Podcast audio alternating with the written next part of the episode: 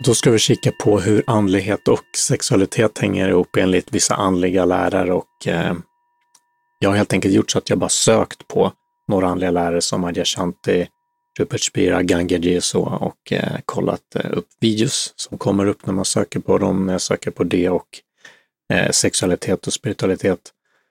Eh, så tänker jag att jag spelar upp dem, så om du lyssnar så spelar det ingen roll eftersom det är ljud. Eh, om du kollar så ser du.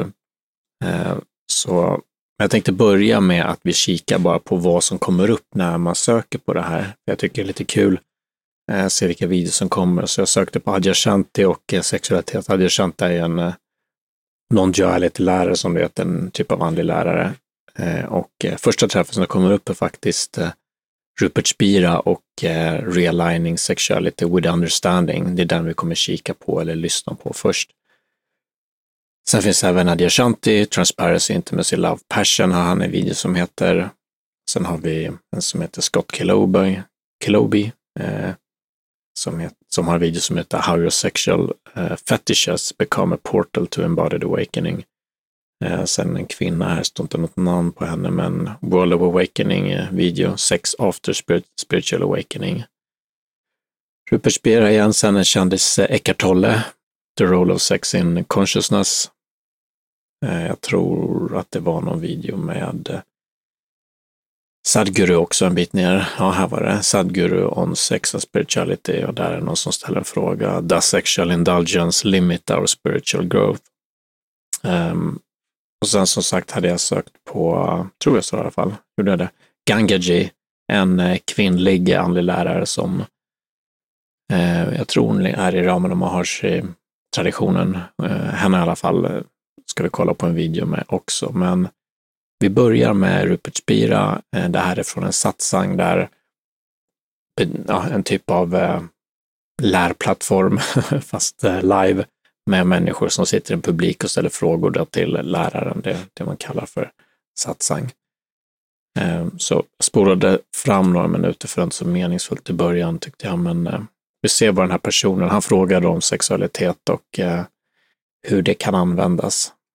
It could be used to in the service of being aware, or it could be used um, to, let's say, to use the language that we're using now to become more unconscious. And I wondered if there are any guidelines you have for the, the use of sexuality that would help us to become more aware.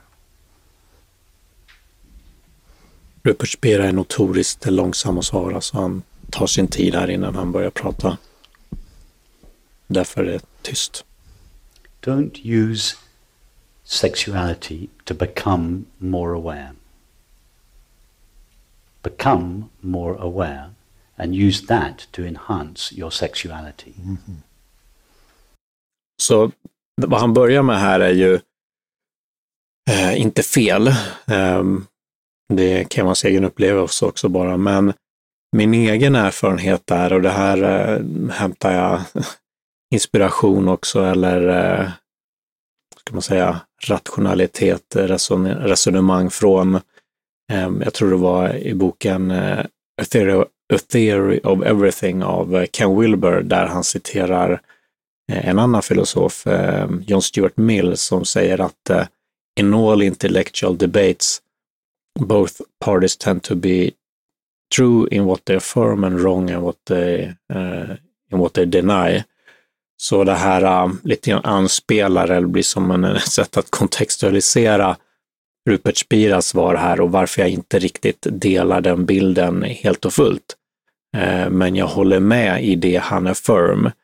Eh, att, det vill säga att han pratar om att vi ska använda, vi ska försöka bli mer eh, medvetna och på så sätt låta det eh, bli en del av vår sexualitet och andra aspekter av livet också. Men vad han också säger är att don't use sexuality to become more aware. Så där är det någonstans så ungefär så deniar han då i John Stuart Mills eh, termer vad en annan sida skulle säga, vissa tantriska skolor, vissa andra typer av eh, Eh, traditioner som faktiskt pratar om hur vi kan använda sexualitet eh, för att bli mer medvetna.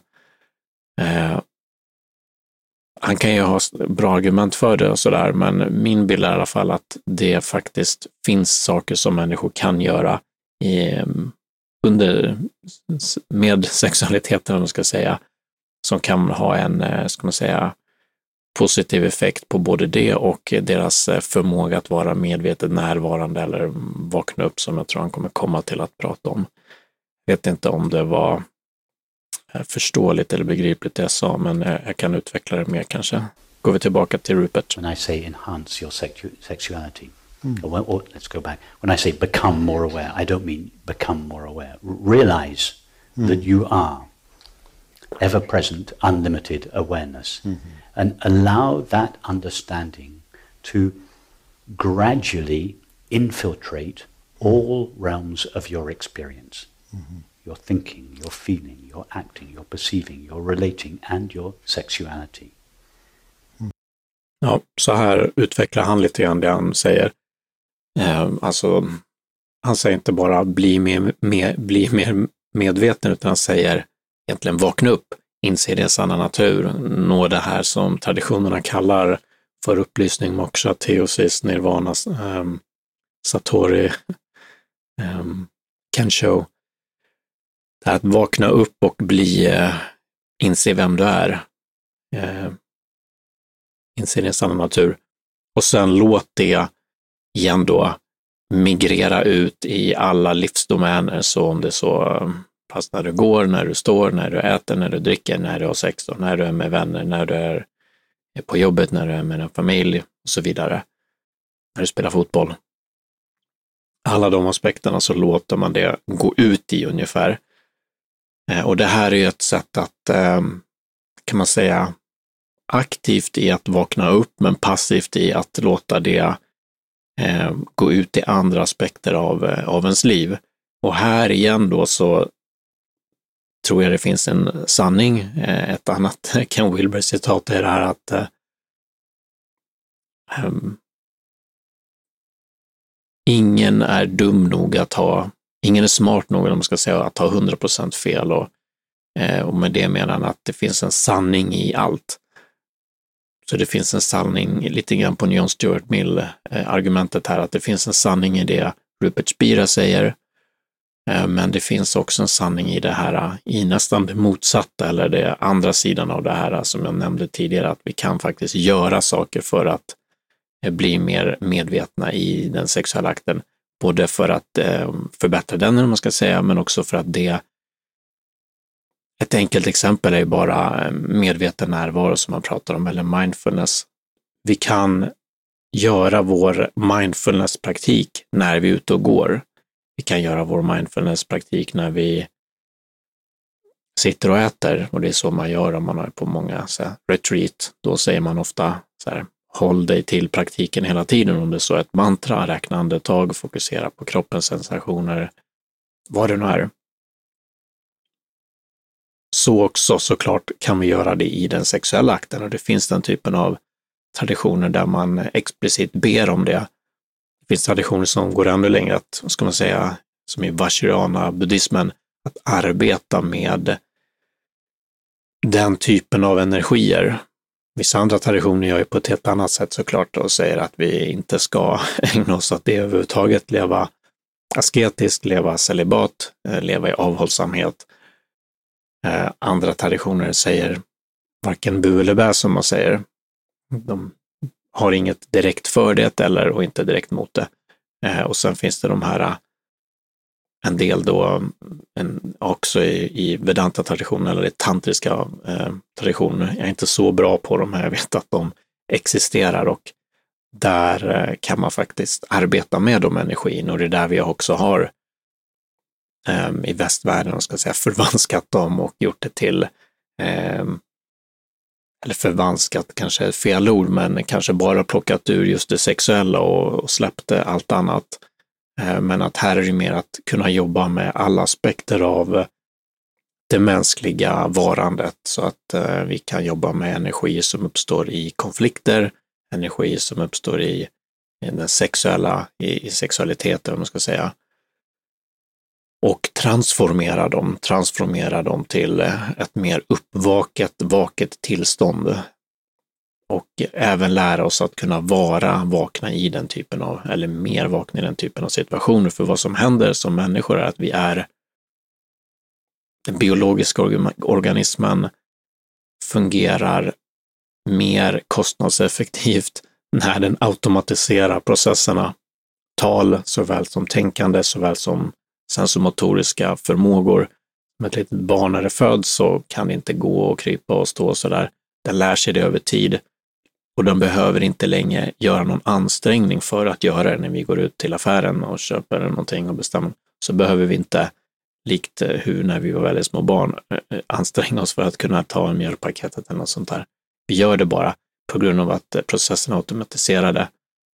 Så blir också allting vi gör i vår vardag. Allting blir automatiserat och vad Rupert Spira menar med att, är att när vi vaknar upp och det här egot till viss del släpper, eller egoidentifikationen till viss del släpper, så blir också eh, förändras eller omformas, eh, transformeras en del av de automatiserade processerna också. Vi kanske blir mindre, något mindre rädda, eh, får en, en, kanske en viss eh, öppenhet för vissa saker och situationer och vår rädsla för döden verkar gå ner. Det här är så här generella grejer, men i övrigt verkar i alla fall den forskning som jag har sett från, finns inte så himla mycket, men den som heter Jeffrey Martin har tittat på vad som händer med människor som vaknar upp. Vad händer med människor som får den här upplevelsen? Alltså typ vanliga människor, inte andliga lärare. Då. Och vad de säger är ofta, eller, eller vad människor runt om de säger åtminstone är att de är precis likadana. De märker ingen skillnad. Det verkar framförallt vara på insidan av de här människorna som de märker en, en tydlig skillnad. Eh, men på utsidan syns det inte så mycket och det är för att de här automatiserade beteendena är, de fortsätter bara. Det blir inte så himla, vi blir inte så mycket annorlunda. Man märker tydligt på vissa personer som kanske Eckart Tolle, en känd andlig lärare, som blir en lärare då. Eller som också ett bra exempel med honom, att han var djupt deprimerad och sen så var han inte det längre för att eh, rädslor och eh, saker som hängde ihop med det narrativa självet, det självbiografiska självet, jaget, egot, släppte eftersom det eh, utsläcktes, som nirvana betyder, cessation, upphörande. Så när jaget eh, mattades av eller utsläcktes helt så försvann ju det jagets problem till stor del eftersom det var kopplat till jaget, det narrativa självet. Men i övrigt så är preferenserna där, den biologiska organismen är där, eh, våra, som sagt, preferenser, vad vi gillar, inte gillar, eh, tenderar vara hyfsat eh, likadant före som efter. Kan vara att vi kanske inte är fullt lika fokuserade på vissa saker som tidigare och kanske delvis kan skifta perspektiv, men eh, i stort verkar det inte ske, ske jättestora förändringar förutom den inre upplevelsen då. Och då menar Jeffrey Martin och många andra att för att återknyta till vad Rupert Spira här, här säger att vi kan göra gott i att faktiskt fortsätta vår andliga praktik, prak, vårt andliga praktiserande och vår medvetna närvaro i olika typer av domäner för att på så sätt uppnå, med det, uppnå det som Rupert Spira pratar om här. Han säger låt det ske bara och händer det så händer det ju, men det kan också vara så att det faktiskt inte händer utan vi går omkring och vi är inte identifierade med vårt jag, men vi är fortfarande samma personer. Jag tänkte säga något elakt, men eh, vi är samma människor. Vi är lika bra eller dåliga som innan ungefär, men vi bara är inte identifierade med det. Men vill, för, vill vi förändra någonting, om vi ska dra in ett till namn, så har vi Jonathan Haidt Eh, den här professorn som skrivit eh, The Happiness, eh, Happiness Hypothesis och även The Righteous Mind och lite andra böcker. Han har också skrivit om moraliska intuitioner. Och vad han menar är att vår moral är inte, kommer från, som intuitioner som automatiserade processer och han använder metaforen elefanten och ryttaren. Så elefanten är våra automatiserade eh, beteenden den är stor och tar mycket plats och den som styr mest. Sen sitter en liten ryttare ovanpå, det är ungefär vårt e- ego, jag. Eh, och den tror att den styr kanske till viss del, men i verkligheten så är det elefanten som styr mest. Och när vi vaknar upp så kanske vi inser att vi är inte, vi identifierar oss inte med ryttaren, vi identifierar oss inte med elefanten, eller vi inser att vi är allt och så vidare. Men elefanten är kvar ryttaren är på samma plats. Det rullar på som innan, så vill vi förändra saker här så behöver vi rikta vår uppmärksamhet mot någonting. Mot, eh, om det är så att vi vill bli bättre på matte så behöver vi träna på matte. Om vi vill bli bättre på att vara närvarande i våra nära relationer så, så är det det som vi behöver rikta uppmärksamheten på och eh, träna oss hit så att säga. Vill vi bli eh, bättre föräldrar, vill vi bli bättre mm, vänner, bättre på arbetet och eller i, i sängen då, i sovrummet, så kan vi träna oss i det och då är det ju själva den saken som vi tränar oss att bli bättre i. Men vi kan också använda det eh, och vara praktiserande, om man ska säga. Som sagt, vi kan använda vår eh, spirituella andliga praktik i den typen av situationer för att på så sätt bli mer medveten, bli mer här och nu i den typen av situationer. Så det är lite grann andra sidan av det här när Rupert Spira säger gör inte så, så skulle jag säga lägga till att ja, han har rätt i det han säger, ehm, det som han positivt affirmerar, om man ska säga, det han pratar för, att låta, att vakna upp, det är det viktigaste, säger alla traditioner, och sen låta det eh, gå in i resten av våra domäner. Men vi kan också faktiskt, skulle jag säga, göra det här andra och gå, gå inte andra hållet, men lägga till det, man ska säga, i den utsträckning vi känner för det. Min bild är att det mesta är individuellt, vad som funkar. Eh, så har man den dragningen så att säga, så tror jag att det, att det är inget problem med det. Eh, det var långt att säga det, men vi ser om Rupert har något mer att säga. Mm -hmm. And if you allow this understanding to inform all aspects of your life, including your sexuality, it will transform it. Your mm-hmm. sexuality, along with everything else, will become um, an expression of, a sharing of, a celebration of mm-hmm. this understanding. Mm-hmm. Now, what particular form your sexuality takes from one extreme of celibacy to... Ja, så han säger samma sak igen, eh, det här att vi låter, vi vaknar upp och vi låter det transformera vår, vårt liv, våra relationer och så vidare. Eh, och då kommer det transformeras om vi bara tillåter att göra det och eh, ja, igen då, så, så kan det bli, så kan det hända, men det finns också risk för att det inte kommer hända eh, utan att det fortsätter ungefär som innan och det kan många vara helt okej okay med. Alltså att det, man mår bra och så vidare och har inga ambitioner att göra, transformera någonting. Eh, men eh, om man har det så tenderar man behöva lite lägga arbete, precis som eh, någon som inte har gått igenom något sånt typ av andligt skifte. Jag tänker vi ska kolla på vad Gangadi säger också, sen ska jag avsluta det här. You know, many people experience uh, in sexual love a, a moment of surrender and then just this infusion of the life force. Of course, it's designed that way so we will have babies and keep the, keep the race going. But but even if it's homosexual love in the, in that moment of surrender, it's not about babies. And if having babies is long over, it's still there because it's this place where there is this ultimate surrender, where there is a a mystery, uh, uh, uh, where you are obliterated, and there is just that. But because it's so obviously linked to biology and sexuality, it's, it's rare that we're willing to allow that to be our life force living itself. So the word tantra was being thrown around a lot 20 years ago in tantric workshops, but generally they were about just getting to be better sexual partners. Really, it's the, the potential is tantra with the universe. So that there is this intimacy, and it has different forms at different times. Sometimes it is very slow and subtle, sometimes it is hugely powerful, sometimes it's painful, sometimes you don't even know it's there. But it's this surrender So I, I, say this because dance is another way that we find that, you know, this point. So it's not sexual. Ja, jag får Jag fattar faktiskt inte riktigt vad hon pratar om. Eh, eller ja, kanske förstår vad hon pratar om, men eh, hon pratar om eh, ja, men att, eh, sexualitet. Eh, det finns de här tantra-workshopsen som mest gör en till en bättre partner, säger hon. Och sen så finns ju den här större eller finare tantran där vi blir tantra med världen, alltså att vi går in i en union i alla fall, en, precis som många traditioner pratar om, att bli enhet, enhetsupplevelse, där vi känner att vi är ett med världen.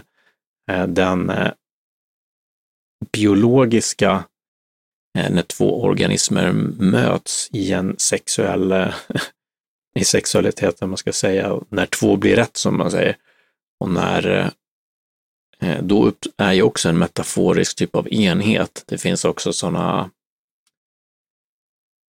yin yang symbolen är ju ett eh, ja, en vit del och en svart del som lite grann omfamnar varandra och så är en del av den vita delen är svarta och tvärsom. Och det finns den typen av symbolik lite här och där, en, eh, att, att det är ett, en enhet, en, eh, där två, i det här fallet själar eller två personer möts så blir ett. Rent fysiskt då, eller subtilt. Och sen menar hon då på att det är det, lite grann som Rupert Spira pratar om, att det är det som vi bör eftersträva, den här äh, gudomliga tantran ungefär, den gudomliga enheten, inte den sexuella enheten. Ehm, även om hon inte menar på, säger någonting här i alla fall hittills, att det är något fel med det. Ehm, ja, se om vad säger mer för någonting. In that moment, but it's it's something happens and then there's you aren't dancing, you are just, you're not there. There's only that. And that's true in each one of our lives. So for someone else, it could be art, can be singing, can be music, can be painting. But to, to limit it to whatever the first channel it has come through is to then give cause and effect where it's that's artificial. Ja, så jag tror menar att det, vi har alla en möjlighet att gå in i den här enheten eller enhetsupplevelsen, man ska uttrycka det, i olika domäner igen, som pratar om dans, eh, musik, eh, ofta de här lite konstnärliga uttrycken, men eh, om man inte sa det så kan man ju definitivt lägga till idrott eller tv-spel eller vad som helst. Allting egentligen där du, skulle jag säga, kan komma in i vad vi i moderna termer kallar för flow. För i flow, då upphör eh, det narrativa självet eller de självförändrande tankarna, vare sig personen har mm, gått igenom eller till vardags upplever ett slags eh, en, eh, en konstant e egoidentifikation. Så i ett flow-tillstånd så uppstår det för alla. Det är en typ av, i, i den här terminologin eller det här sättet att se på den, en typ av andlig upplevelse och som många människor brukar beskriva åtminstone som djupt meningsfull. Eh, och de säger att jag spelade inte pianot utan pianot spelar sig själv. Jag skrev inte boken utan sidorna skrev sig själva. Jag, ja du förstår. Den typen av utsagor kommer för människor som befunnit sig eller befinner sig i det här tillståndet och eh, det kan också uppstå i den sexuella akten och vad hon menar här är väl att vi ska inte eh, eh, attribuera, alltså att vi ska inte koppla det till själva eh, aktiviteten, som det är att vi spelar fotboll eller spelar tv-spel eller spelar piano eller sjunger eller dansar eller något sånt, så är det inte det som är det viktiga när vi får den här upplevelsen, utan det är själva upplevelsen, själva enhetsupplevelsen eller om vi har sex eh, och upplever, man kallar det ibland för lilla döden vi utlösning, som också då anspelar på att vi försvinner, vaknar upp, vad man nu, hur man nu vill se det.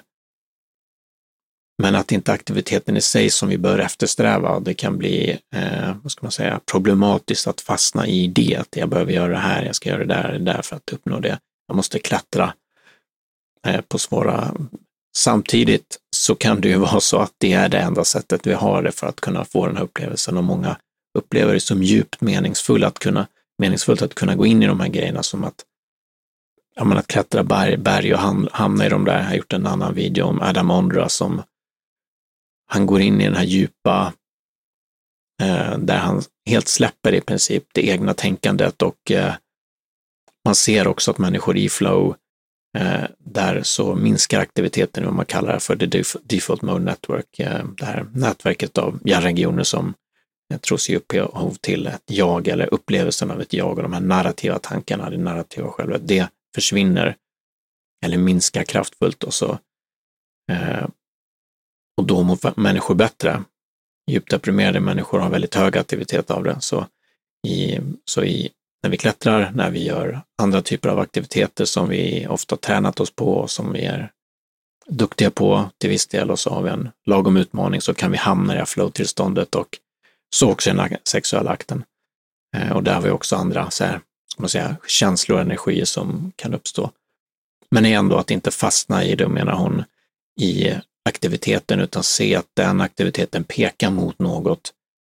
Och vad de här andliga traditionerna säger att det här är ett tillstånd som går att få till vardags mer eller mindre, ett typ av flow-tillstånd där vi till vardags hela tiden, från det att vi vaknar upp på morgonen, inte är identifierade med vårt jag eller vårt narrativa själv eller de självrefererande tankarna, utan vi är har en annan typ av identifikation med eh, antingen ingenting eller någonting större då, eller att ha upplevelsen av att jag är det här, den här världen eller kärlek eller Gud eller någonting. Buddha-naturen. Eller bara ingenting, bara att jaget är borta. Och då är vi en typ av konstant flow. En typ av konstant, eh, ett typ av konstant välmående, för det är någonting som man återknyter till generella effekter av människor, som människor får av att gå igenom den här typen av transformationer, att de tenderar att må mycket bättre. De skattar sig själv mycket högre på sådana här skalor av eh, välmående och välbefinnande. Igen, det är individuellt eh, och eh, det är definitivt inte bästa lösningen för eh, eh, genomsnittsmänniskan.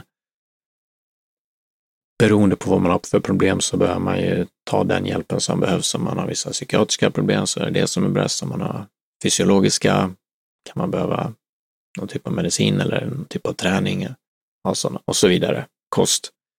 Eh, men för vissa som har en typ av existentiell problematik, om man ska säga, som söker djup meningsfullhet så tenderar många gånger eh, det här sökandet, den typen av sökande, att ge eh, svar på det eller åtminstone ta bort frågan.